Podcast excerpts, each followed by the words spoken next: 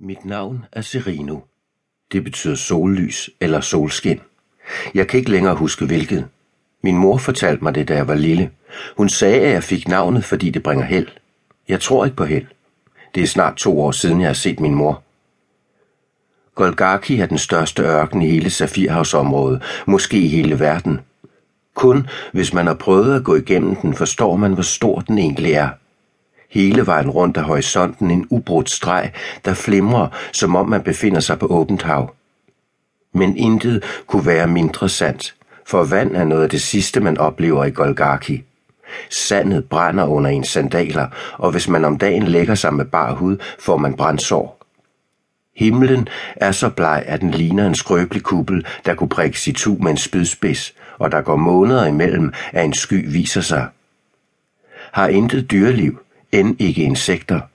Jeg har hørt, at selv de ugæstfri bjerge mod vest har liv, geder, fugle og de frygtede sabeltigere, men intet kan overleve herude i ørkenen. Man skal være skør for at krydse Golgaki til fods. Skør eller slave. Jeg tror, vi alle vidste, at hvis nogen ville falde, blev det Malar. Det skete midt på dagen i den varmeste stund. Jeg gik på venstre side af vognen, den forbandede vogn var stor nok til, at vi alle fem kunne være der, og trækøjlerne ville sikkert kunne klare den ekstra vægt. En slave vejer trods alt ikke så meget som et almindeligt menneske. Men den slags tanker kan gøre en desperat eller vanvittig eller begge dele på samme tid, og så ender man med at gøre noget dumt, noget som man bliver straffet for. I stedet holdt jeg blikket rettet på mine sandaler og det sand, som de vil betræde inden for de næste få skridt. Nogle steder var der mønstre i sandet, og mønstrene virkede næsten hypnotiske efter lang tid. Men denne dag var vinden blot en svag brise, og sandet lå glat som et lagen. Jeg lyttede. Det er en evne, som jeg har fundet. En evne, der kan bringe tankerne næsten til tavshed. Ved at koncentrere mig om de få lyde fra karavanen omkring mig, kan jeg komme ind i en drømmelignende tilstand, hvor de ubehagelige ting forsvinder – den trykkende varme fra himlen, smerterne i sener og muskler, fornemmelsen af kæden omkring min hals og vægten af kuglen under min arm.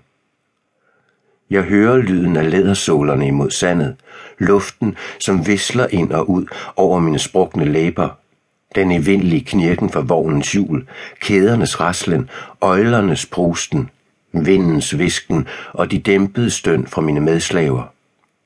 Det er min måde at vinde over Golgaki på. Jeg ved ikke, hvordan de andre gør, men dette er sådan, jeg klarer den. Der lød et blødt bump bag mig, og jeg stansede op. Flere af de andre stoppede også. Malar var dejset om kul, stadig klamrende tændkuglen ind til sin mave. Ansigtet vendte op mod himlen, øjnene bulnede ud af deres huler og viste det hvide frem. Hans ene ben spjættede et par gange, som om musklerne ikke havde forstået, at han ikke længere var oprejst. Et øjeblik stod det klart for mig, at Malar ville dø for øjnene af os, her midt i den forbandede ørken. Men så slappede han af i kroppen og gled over i bevidstløshed. Stop, udbrød vores ejer, Porcius, og trak i tøjlerne, så øjlernes lange halse gjorde et ryg. Han glodede rundt på os. Hvad foregår her? Hvorfor stanser I?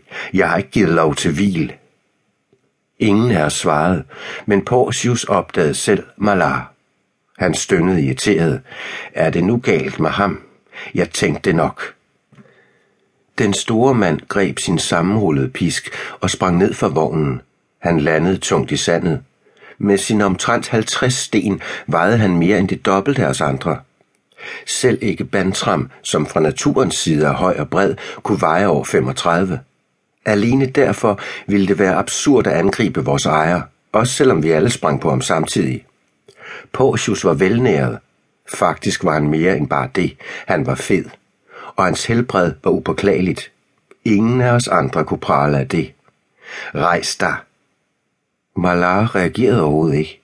Normalt var den spinkle keltaner dødsens angst for Porcius. Porcius foldede pisken ud med et rutineret vred i håndledet, og det tykke læderreb dansede hen over sandet. Han svang armen og lod pisken falde.